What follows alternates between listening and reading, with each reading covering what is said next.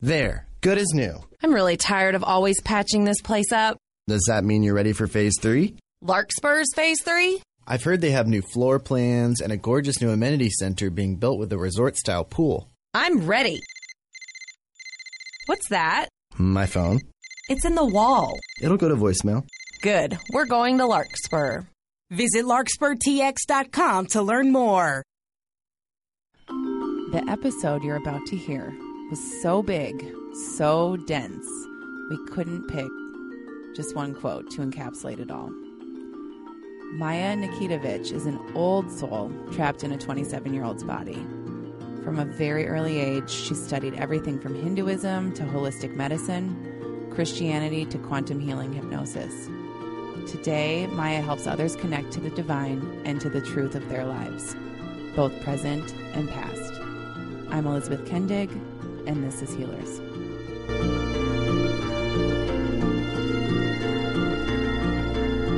I'm really excited for this episode. I am too. Are you at home right now? Yes, I am. I've just been I've been off all day, so. Wonderful. So you're relaxed.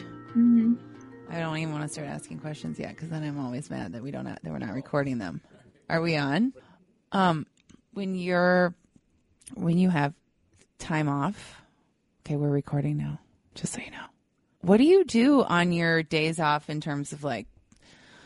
Do you have a, do you have a pretty regular sort of self care routine or some grounding practices that you or is that something you do every day, working or not? Yeah, I usually try to do a sun salutation in the morning. So a little bit of yoga, but I actually even just spend like two or three minutes. I don't do a whole routine yet. I'm building up on that. But even just once or twice, um, the idea of the sun salutation is it allows the pranic energy to shine within you. So I really focus on that when I'm doing that. Um, and then on my days off, I try to get into nature as much as I can. So that's why I moved from New York City to Virginia Beach to be near the ocean. And I even have a backyard. So that's totally different for me. Yeah. And a lot of meditating if I can and journaling. You're, um, I want to say the third guest we've had on in the last few months that has left New York City to be in nature. And to and or to kind of to get away from the noise. To, to do to do your work too. That seems to be a need that a lot of people have right now. Yeah. Theme. I mean, I'm, I'm planning on returning at some point, um, engaging back with the city somehow, but I grew up there. So it just was inundating me and I've never actually had too much of an experience living away from it and seeing what would develop in my life if I did. right and how is it being by the water It's incredible. yeah Yeah. i bet Yeah, I remember once I was meditating and trying to connect and pray. It was nighttime. It was a full moon or something. It was almost a full moon. It might have been a full moon. Of the oceans, I kind of took a dip in the water when you're not supposed to late at night. and I was just sitting there connecting with it, and I saw a shooting star right by the moon oh my Right. gosh at my height, you know? So it's, it's really special. And there's dolphins all the time. what Yeah. There's just schools of dolphins. I don't know what dolphins are called as a group, but schools of them. sounds about right yeah Mhm. I've I think I've only seen I've seen maybe one dolphin in the wild and the rest have been on a well they were in the wild but I was on a dolphin tour which is not the same. Oh.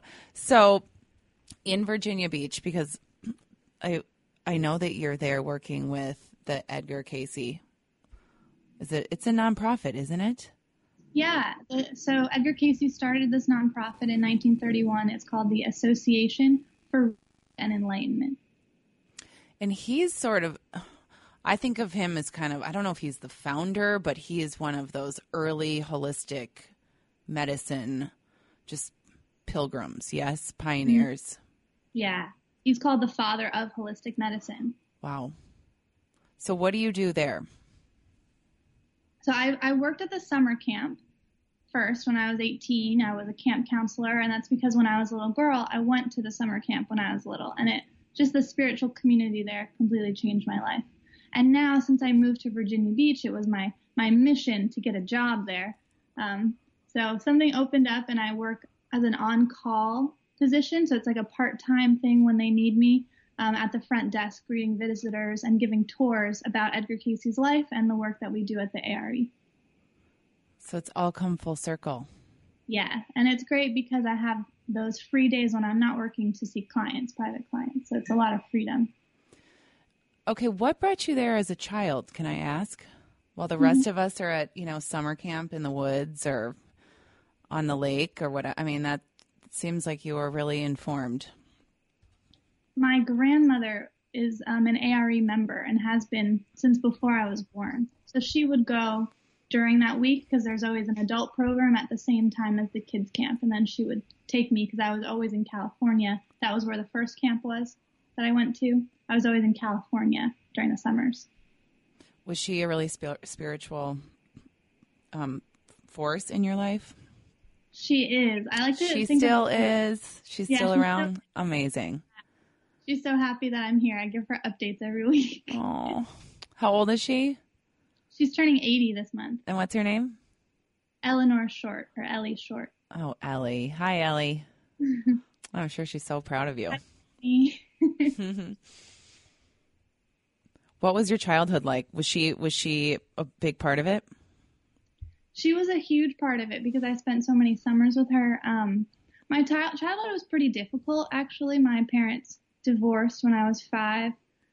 They were not very compatible. Um, my father had a lot of anger issues and other personal things that he was dealing with that affected me. So I even lived in California while they were divorcing and separating for a whole year once um, when I was maybe four or five.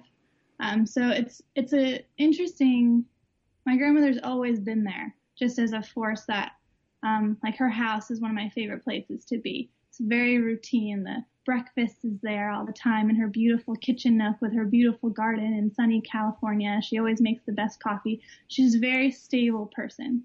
Um, so that was really helpful in my life. And then she's one of the only people I knew who was interested in this stuff when I was growing up. My mom was, but she didn't she didn't live it or talk about it. She was a single mom. She, she was very busy, but it was basically what my grandmother spent most of her time thinking and doing was studying the Edgar Cayce readings or going to church and, and thinking about this part of life. What are the what are the kind of key principles of Edgar Cayce's work? Or is that a too loaded of a question? It's um, there are key principles that that we've that we've teased out, but he's he has 14,306 documented psychic readings. So this is teasing out information from those, and he's done probably maybe 15,000. Some of them just were not documented and written up. So you're taking a lot um, from different clients' unique experiences that he's reading for, and then generalizing it. But the the main principles are that um, God is one, so it's the oneness and universality of God that we all come here as souls, and our mission is to then get back to the oneness of God. Um, doesn't matter what religion you're in, doesn't matter what nationality, what race you are. Um, we're all these these sparks of God uh, that we then go back to. Or he also uses different terminologies like creative forces, the universal forces. Um, doesn't always have to be this personalized idea.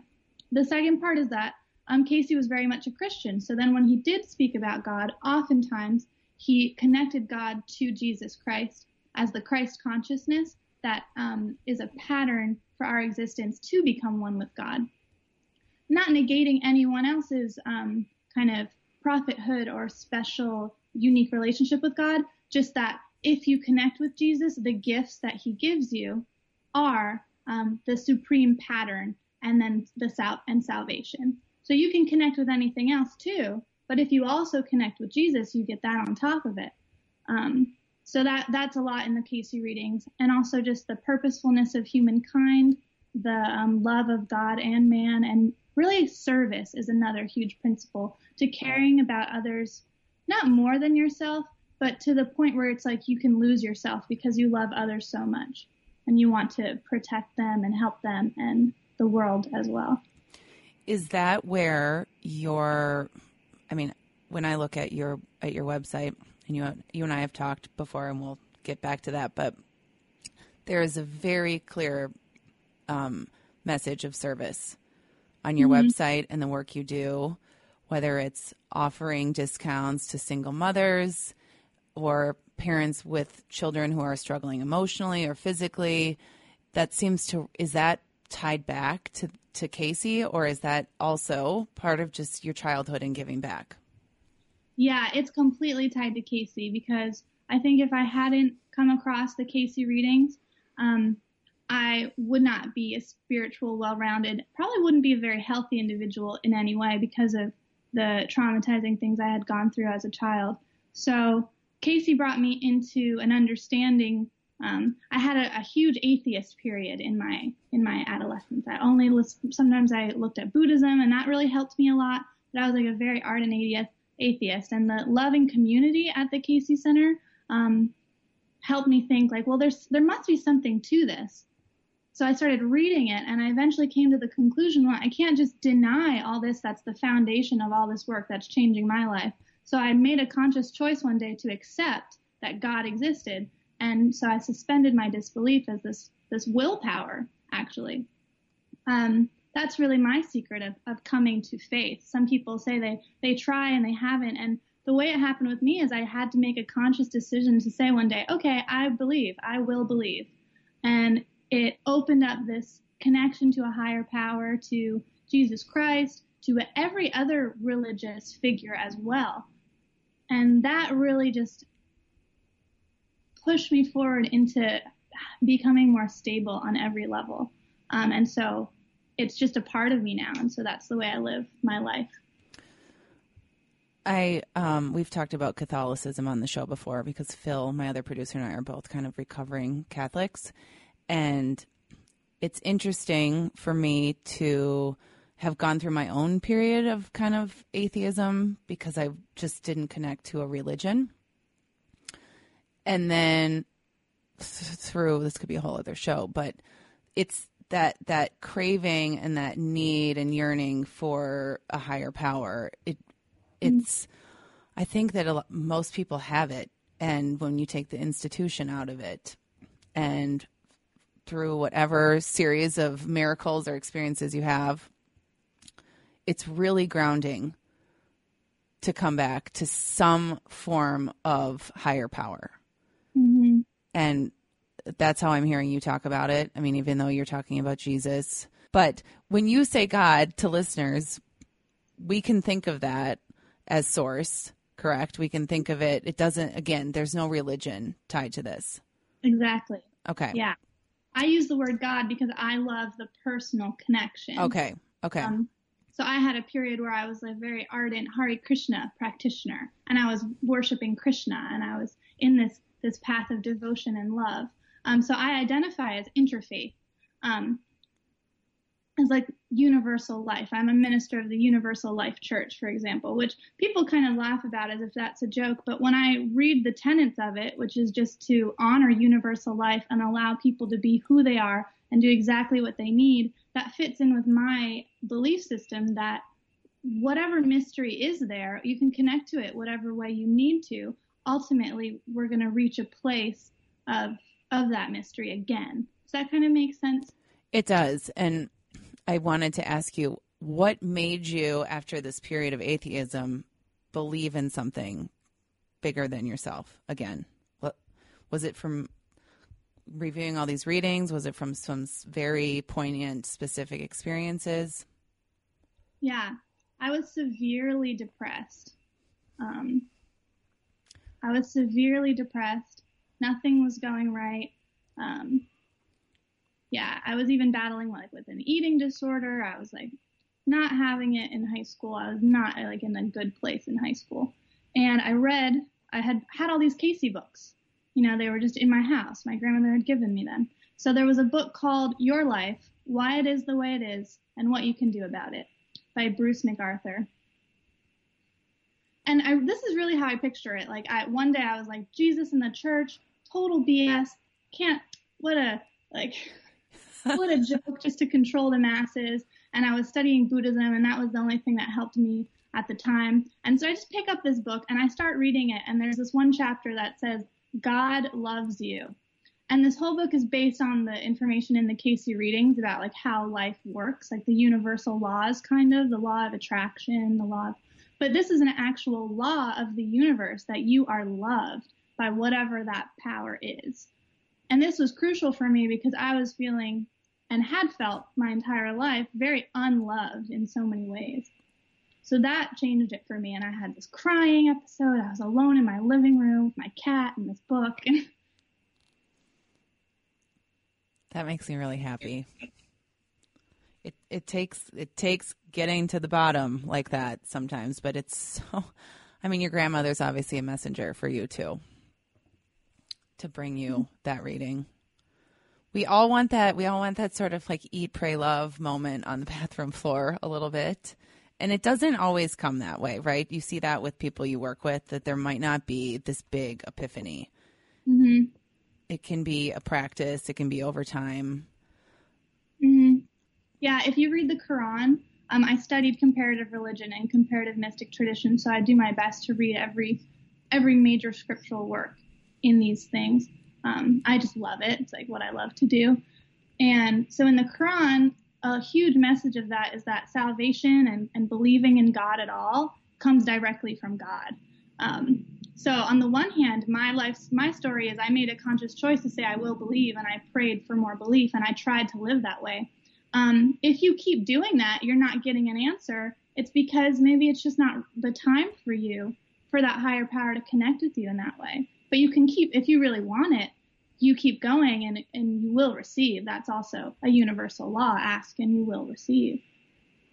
It reminds me of someone, uh, some healer that I talked to early on in this journey about not asking for this a thing you want, like a new job or a house or a boyfriend, but instead asking for the faith or the resilience or the gratitude that's Mhm. that's really the that's, that are really the things that are going to get you where you want to be more than the thing itself. So I find that I try to come back to that instead of clinging. But um, this also reminds me of you and I were talking about um, blocks and how you don't believe that we really have blocks. I haven't fully come to my opinion, established opinion on this, but I'm working on this vague sense I have that we create, and this is in part due to my own past life regressions I've had actually. Um, that the more we believe in a block, the more we're going to have to have a block to get through. Okay, Um, and give an example of a block. Um, okay, an old emotion and a belief of not being good enough. Perfect. manifest itself into a physical experience. Um, and you can have an energetic block, like maybe you feel in your meditations that you your chakras aren't fully connected, right? Like it just doesn't feel like you're getting there. That could be an example of a block. Why? Because you're afraid. Why? Because you don't believe that you can. There you go. But also it can manifest in a physical one. So I had um, a physical problem with my with my right hip that has many layers to it. One of the layers was I wasn't really happy with life, and so it was like my foot was like out one foot out the door is how I described it to myself under my past life regression work. Um, like I didn't want to be on this plane of existence. I had one foot out, and that caused pain in my hip. But it also had to do with my relationship with masculinity and femininity. So I've had many past lives, the majority of them actually, I think, being a masculine energy. And now coming into this body here as a young woman, um, 27 year old woman, facing what that means in the society today, going to a women's college, learning about feminism, patriarchy, hegemony, all these things, um, having issues with my mother, having generational trauma with the women in my family, um, and being in a woman's body for the first time probably in a while, right? That represented a block to me. I had to heal my relationship with femininity and really embrace it. And that was causing my entire right side to be imbalanced. So I never felt even. I always felt like my left side was great, my right side was off. Is the right side the feminine side? Is that a thing? I think that the right side is actually the masculine side. Okay. I'm not always so good on on specifics like that. Um, They're not terms of- always important either, right? You Yeah. get hung up on that. hmm Right, like when you study the na- the nadis, the energy channels of the body in Hinduism, there's like 17,000, 170,000, and, and people go really in detail to know what each one is. That's that's useful on one part. On another hand, maybe it's not. I don't have the memory. Like I don't remember films. I don't remember dates and times. So it has to do. I think that the right side's the masculine side, and I think it was just like overdeveloped and unhappy. Sure. I, I have a right hip running injury, and I've always, I think I've looked at like Louise Hay's work, You Can Heal Your Body. Like, what does the right hip mean? Mm-hmm. And so that's interesting. I'm going to have to look back um, on the one foot out the door or like not being able to move forward, Yeah. right? Because you're kind of, you're, you're off, off center a little bit. Yeah. Um, okay. one. I had Oh, connected with that idea, but it just didn't work for me. Like it wasn't fully satisfying. I had to go into my own unique thing. So I think everyone's unique in what these things mean in some ways too. Right. So then back to the initial question about it being a block. It's more that you know that we can all release these blocks. Yeah. Yeah. Yeah. We are all in control of them. We create them in the first place. If we don't create them, they're sort of created from a karmic influence or some kind of environmental thing, right? We, so they're created in the first place. But um, this is an Edgar Cayce quote I found when I was I was thinking about the Akashic records too, and it says that um, no influence of any nature, astrologically, hereditarily, environmentally, surpasses the will of the entity of of us of people yeah Exactly. Yeah, so we we can we can continue to nurture those blocks as we go too.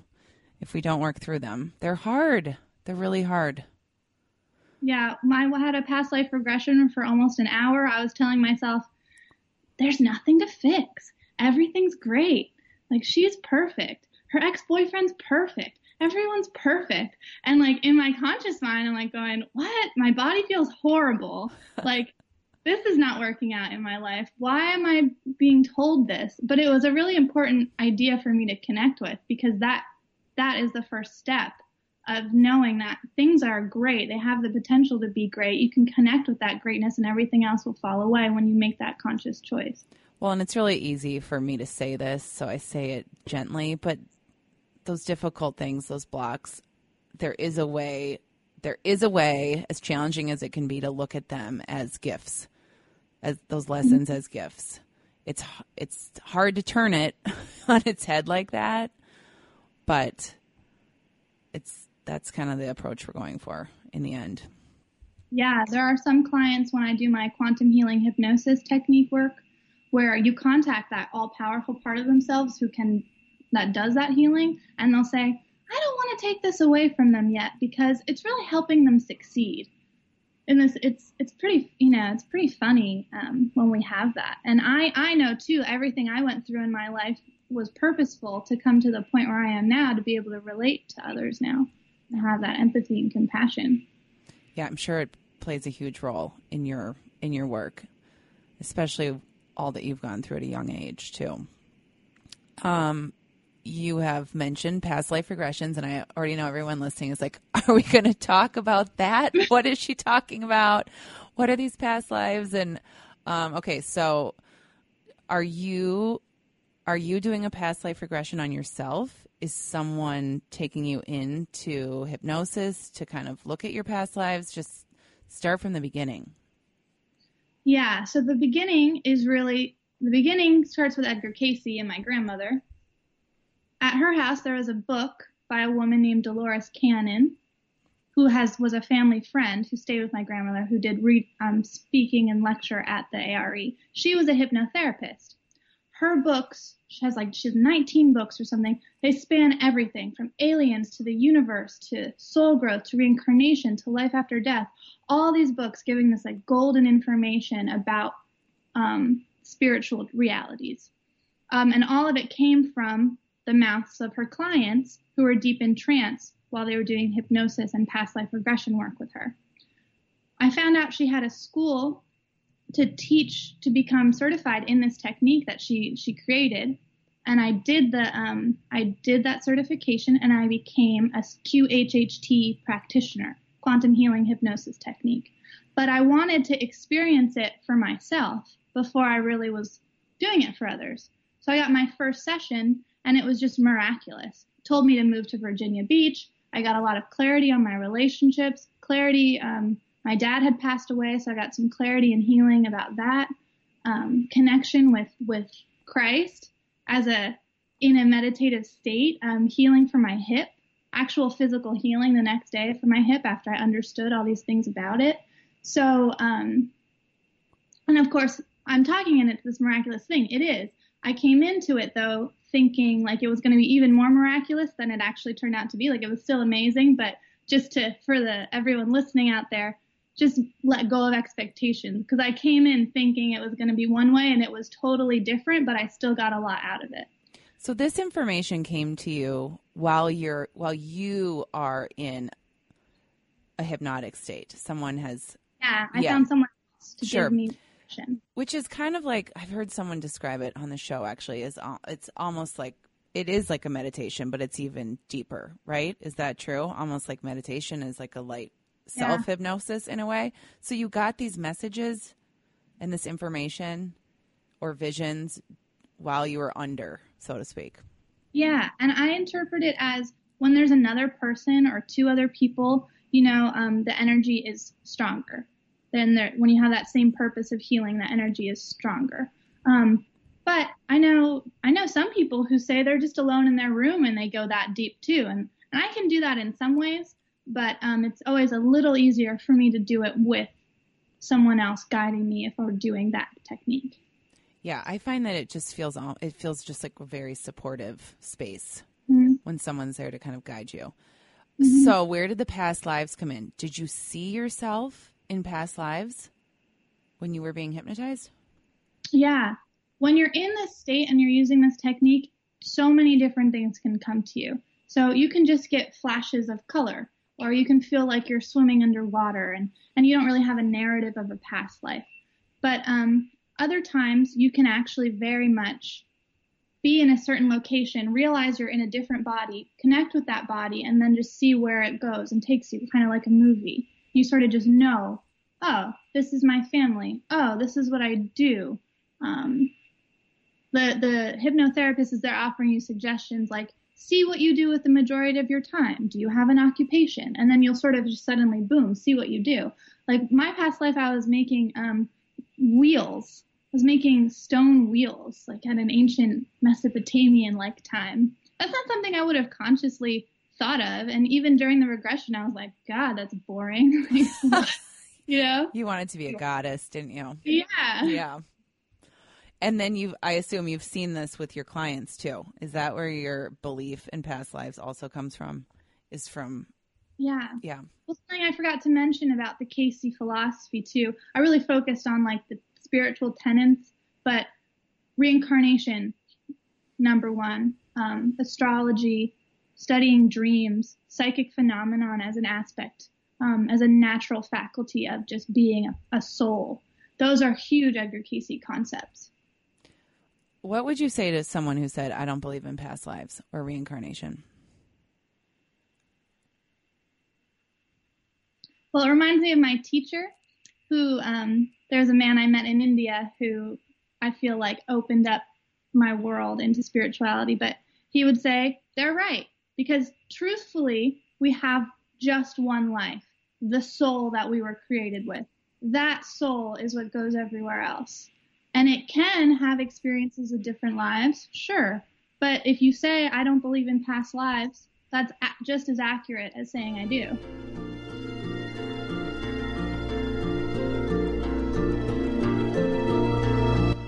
Well, uh, I learned a little bit about my past lives um, through a session with you, and um, it was and it was the initial reason that brought us together.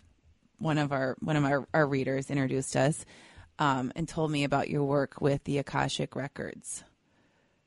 And I had heard of them, but I had this image of physical books, kind of like Kabbalah or something like that. I mean, I just didn't know anything about it. And when I kind of float this out to a number of people in my life, they don't know anything about it. So I'm really excited for us to talk more about that. So let's take it from the top. What are the Akashic Records? So the Akashic Records is a name, a label that we've given to um, this kind of like energetic record of a person's every thought, every feeling, every action that they've ever done in any life they've ever lived. So that gets stored in the universe, in the ether. It gets stored in the universe in the ether. Akasha is another word for ether or for space. It's um it's in Sanskrit terminology here.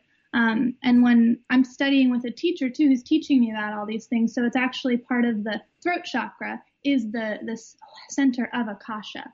Um, when we speak, it's related to that. When we chant, when we sing, it's related to that. Um, but the ether is also in Edgar Cayce philosophy.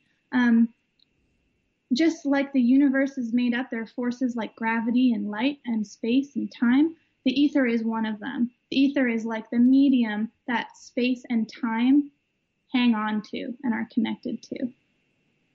It's like a spiritual superhighway, super supercomputer. I don't know. Yeah. Yeah. Supercomputer is a great metaphor. Supercomputer. Okay. Yeah. So, okay. So, how do you read the records? How does one read the records? So there's many different ways you can do it. Um, for example, I had a friend who who learned from someone who taught him to do three ohms. The first ohm is to cleanse the body. The second is to cleanse the mind. The third is to cleanse and connect um, the emotions with the spirit. And so you acknowledge your soul, um, then you can connect with that records in some way because this, it's like the medium there. The soul is the thing that connects to that medium. There's a there's a link always. Um, but the way I do it is I read this book, How to Read Your Akashic Records by Linda Howe, who's very well known in the Akashic field. She's really maybe one of the first key components to doing it. Um, Cayce was talking about the Akashic Records in the 30s, so was Rudolf Steiner, Madame Blavatsky. Um, but Linda Howe has sort of made it mainstream that everyone else can do. So she gives a prayer in this book called the Pathway Prayer, which is what I use. And once I do that prayer, it's just like a very subtle energy shift. I can feel it like in the back of my head, like through my through my brain, through my mind. There's just a little buzz there, and I know that that's I'm connected to something. So you connect to like when you and I work together, you connected to my records. hmm And I sent you some questions in advance. hmm And then you went into this state and, and, and asked them and received answers. hmm Okay. Is that the typical way to do a reading? That's um that is the typical way if you're u- using this with Linda Howe. I'm sure other people who are Okay. reading the record they often get questions. That's sort of the the idea with Cayce readings. He was always getting questions. Um, he'd give a little bit information about the person before a question, and then he would answer questions. Um, he said he was connecting to the Akashic records here. So what's interesting about these, and I'm just thinking of this now, is that unlike talking to a psychic or an intuitive, you are using your your life or lifetimes in your past to understand and to work with kind of your current energies versus predicting. Yeah, sometimes you can predict things. That's not necessarily my forte. I think I'm going to get even um, more adept at this work the more I do it. Really, I've only been doing it for um, a little less than a year, so it just is a natural thing for me to do given given my past sensitivities and intuition.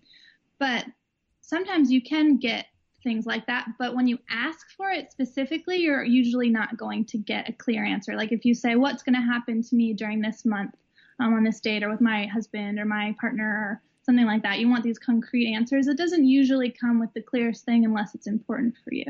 What are what are give me examples of some of the the more effective questions to ask? What are the Akashic records really good for?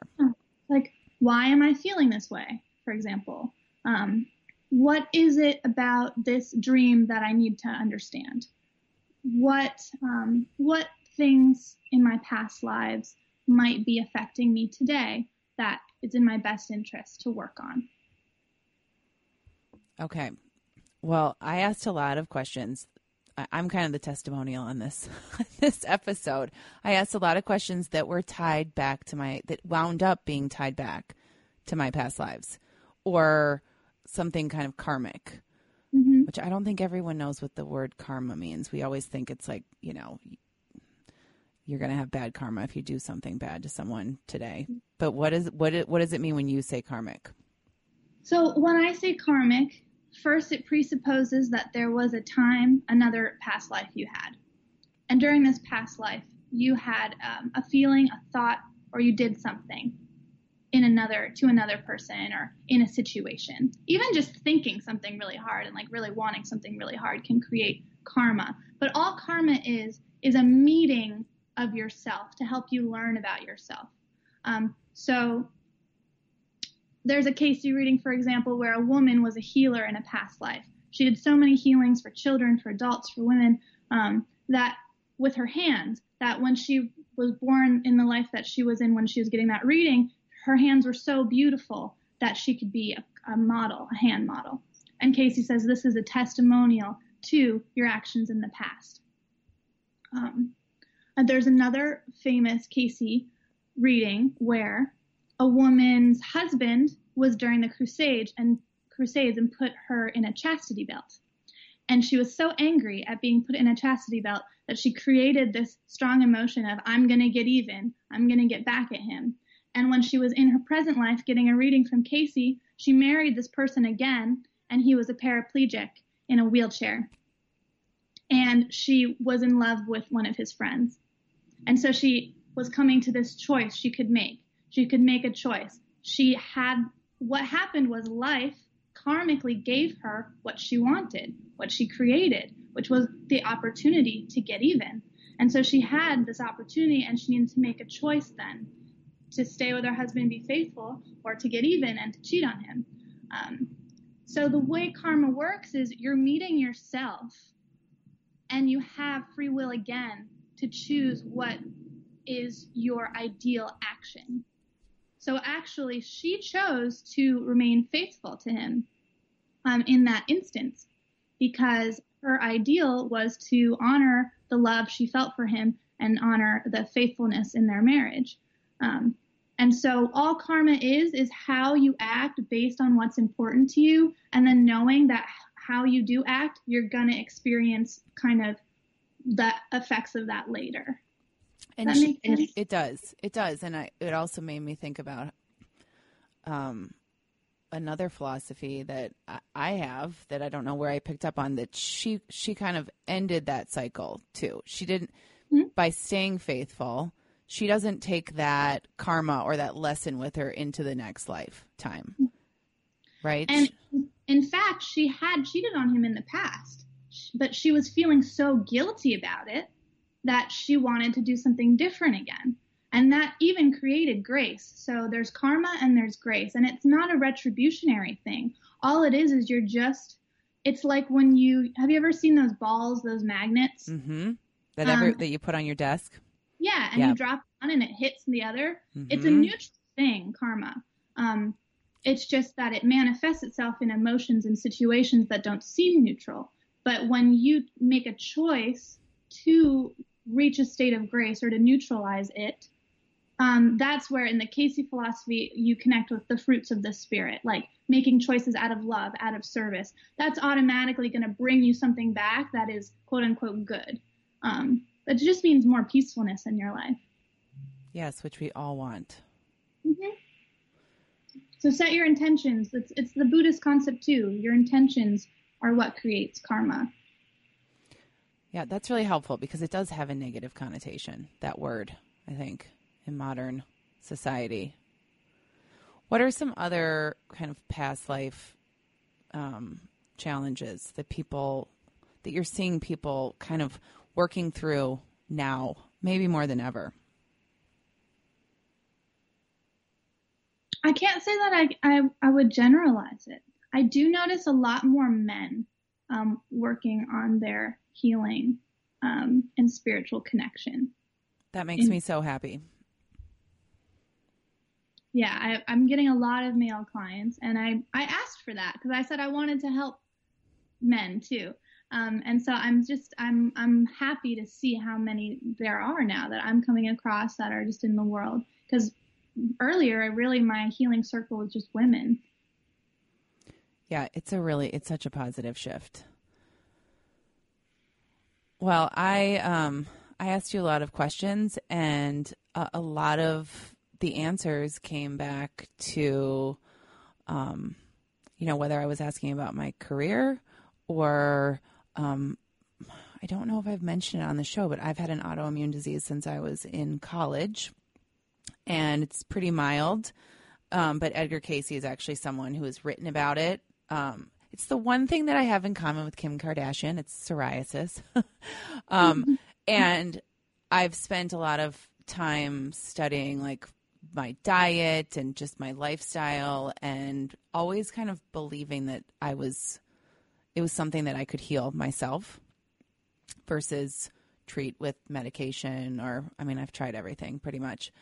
Um, and your the records answer to me was that this illness is a manifestation of of self hate, to put it um, not very mildly, but you know over courses of lifetimes of any sort of you know feeling inferior that now in this lifetime I get the opportunity to actually like see it so that I can treat it, so that I can work through you know self acceptance and forgiveness and it sounds really dramatic i mean i'm not walking around hating myself it's it's very there's probably quite a bit of subconscious there but also it makes sense to me because it's something that i've brought with me um, but i after talking to you i look at that as like i would like to end this with this lifetime and mm-hmm. get to do that work.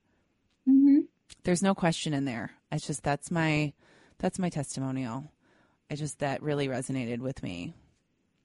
Yeah, and it was um, great to um, when I was talking with you too because I was able to reassure you. And again, now just this strong sense of it's at the tail end. Like all this stuff was so much in the past. It could manifest itself in so many different ways that would make your life so much more difficult. And yet it's almost this like, it's not a great thing. You don't want to have psoriasis. But when you see it in this really strong physical way, and all it all it's doing is it's just aesthetically not pleasing and it has a little bit of discomfort, right? But it's not actually hurting you in the long term necessarily. It's not destroying your life in any way. Then you have that same sense of going, oh, here's that stuff from the past. I'm going to embrace that, forgive myself, and work on loving myself so much so that even that will go away. Yes, it does feel like it's on the tail end. Um, like it's just this lingering thing. Um, and I do feel a relief, and I also feel a responsibility to myself more than ever to be kind, um, because your body is we have to take care of it, but it's really taking care of my my spirit too in the mm-hmm. process. Mm-hmm. You also said something to me about how you how about I'm gonna here I'm gonna find your quote that we can heal anything with source. Does that mean anything, any sort of physical ailment? Does that mean, tell me what you mean by that. I think that there are no limitations. Um, again, this comes to my faith and my belief that um, I think people can be raised the, from the dead, just like the prophets did in the Old Testament just like Jesus did for his own body. Um, I see this as a metaphysical reality that you can reach such a state of consciousness and spirit that you can control matter because all matter is is a reflection of the spiritual world um, and spiritual existence. So, um, in that sense, yes, I think you can heal anything. Do I think it's destined in everyone's life to reach that point? Not necessarily when you are devoting your whole life, um, this is an idea in Hinduism. You can devote your whole life to being a yogi and to live in the woods and to study and to make offerings and to devote yourself to God. Your karma still might, might not be to ever reach any sort of lasting thing, but you're still doing great work that the next life, maybe it will be there. So I don't want to say anything like, I can heal you immediately. No, it's an individual soul path. So much of it is choice, so much of it is belief and acceptance. Um, so much of it is responsibility and connection with source. Um, but I think it's always possible to heal anything, even even beyond death. There's a Cayce quote too. It says, "No one has to die." Um, I just want to get a like a reading list from you. I just you're making me want to just bury myself in the library and study all of these these ancient and um, more recent healers. But before we do that, um, something that totally shocked me is that we can read our own Akashic records. I want people to come to you because it's a very beautiful, sacred. There's this energy that happens when you're doing a reading, and I was just mesmerized by it, and I, I loved it. And we did it over the phone, so for it to come through over the phone is just spectacular. But how can we do this ourselves? That is mind blowing to me. So, because we are all within the ether, right? We're all here. Um, we all have souls. This is a, you know, this is if you believe in this, but this is what I believe. Um, and it's helpful in reading the records when you believe you are a soul that can make an imprint on this ether that is, um, in other, some people call it God's book of life, um, or the records, the Akashic records. You have that um, different, different, tolls, um, different terms for it. So, the first thing to do, especially when you're reading Cayce on how to read the records, is to be able to then attune yourself to that reality, attune yourself to the very idea that you are an infinite soul that has an infinite history when when you're relating to time and space. Ultimately, the Akashic records aren't really there when there is no time and space. Um, that make sense? Yep, it does. There's nothing to there's nothing to read. There's nothing to study. You, are doing it when you're within a concept of having a life that has a past and mm-hmm. a future. Yep. So if you have a soul and you get into a space where you connect with the history of that soul and the fact that it exists at all, you're able to read the records. You're connecting with that. Um, so that's why most of the prayers that are there for the Akashic records is in some kind of declaration of the existence of source or light or the spiritual power. You're declaring that first. It's like infinite goodness that you're declaring and connecting with. When you do that, then you're automatically connected to those records. And I know you're not going to give us a full lesson on how to do this at home. There's probably some great books, right, that we can share in the show notes if if anyone wants to teach themselves how to how to connect. Mm-hmm. Okay. Yeah, you probably find it on Google. You can get a book. You can check the Edgar Cayce readings. You can even just do your own visualization. Um, visualization was a great is a great tool. So I could hypothetically ask the records to show me what my past life was with like my dog, which I'm pretty sure is something I asked you about um, or ask about why am I struggling with X Y Z, mm-hmm. and I would hear or see the answer if I was in the right space with the with the right at- intention.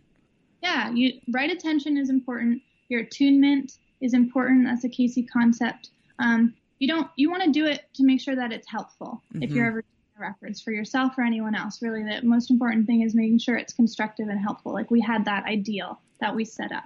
Yes, um, that this is for the highest good. Mm-hmm. Yeah. And so as you're practicing, it it might be um, for also when you set the intention you're going to receive. Ask and you will receive. Just have faith in that. Um, you might not receive in the, the clarity you want, but you might get something. You might get a brief flash of an image, and that has some kind of meaning to you. Sometimes you have to work on it, but if you keep doing it, if you keep meditating, if you keep building your spiritual life, your psychic faculties automatically become stronger. And is are the answers coming from out there or are they coming from connecting to to our higher self to all of these lives? It, it's both. Okay. So Cayce says, you know, the Akashic records are a place, but it is everywhere. it is old and yet it is ever new. Um, it's it's a spiritual dimension that happens to coexist in within the material plane and So- connects to us. So it's pretty infinite. And it's also the record. It's it's the akashic records that actually lead because it's connected to everything and everyone. It's actually what puts into your life situations to help you grow as a soul and develop.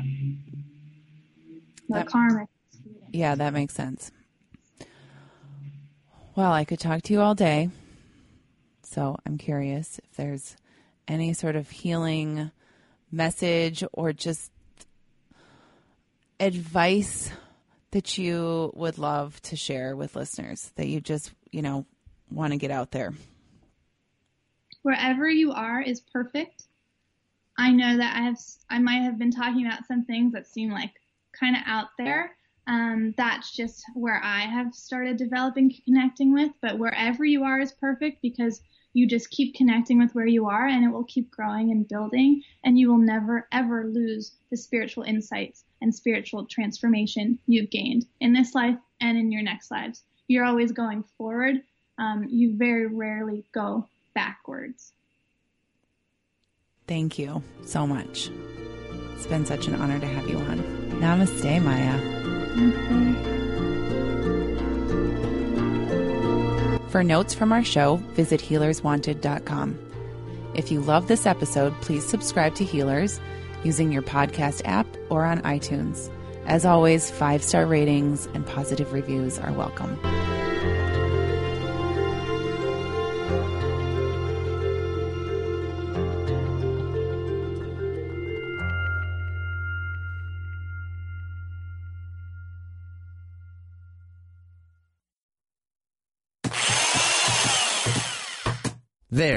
Good as new. I'm really tired of always patching this place up. Does that mean you're ready for phase three? Larkspur's Phase 3? I've heard they have new floor plans and a gorgeous new amenity center being built with a resort style pool. I'm ready. What's that? My phone. It's in the wall. It'll go to voicemail. Good. We're going to Larkspur. Visit larkspurtx.com to learn more.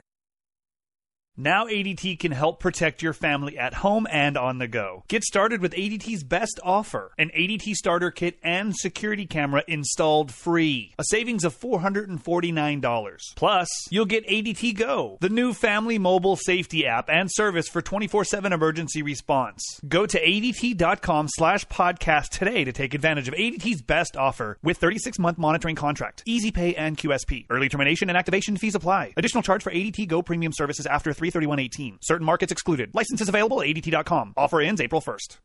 I'm Rita Foley with an AP News Minute. Thousands of residents of North Carolina are running for their lives after heavy rain from the big storm Alberto triggered landslides at a dam that's in danger of breaking. Missouri Governor Eric Greitens is resigning amid investigations about an extramarital affair and questions about campaign financing. I know, and people of good faith know, that I am not perfect. But I have not broken any laws nor committed any offense worthy of this treatment. Roseanne Barr is apologizing to those who lost their jobs now that her TV show's been canceled after she tweeted a racist comment about an advisor to former President Obama, Valerie Jarrett. First of all, I think we have to turn it into a teaching moment. I'm fine. That's Valerie Jarrett speaking there. Wall Street expected to open higher after a tough day yesterday. The Dow lost 391 points to close at 24,361. I'm Rita Foley.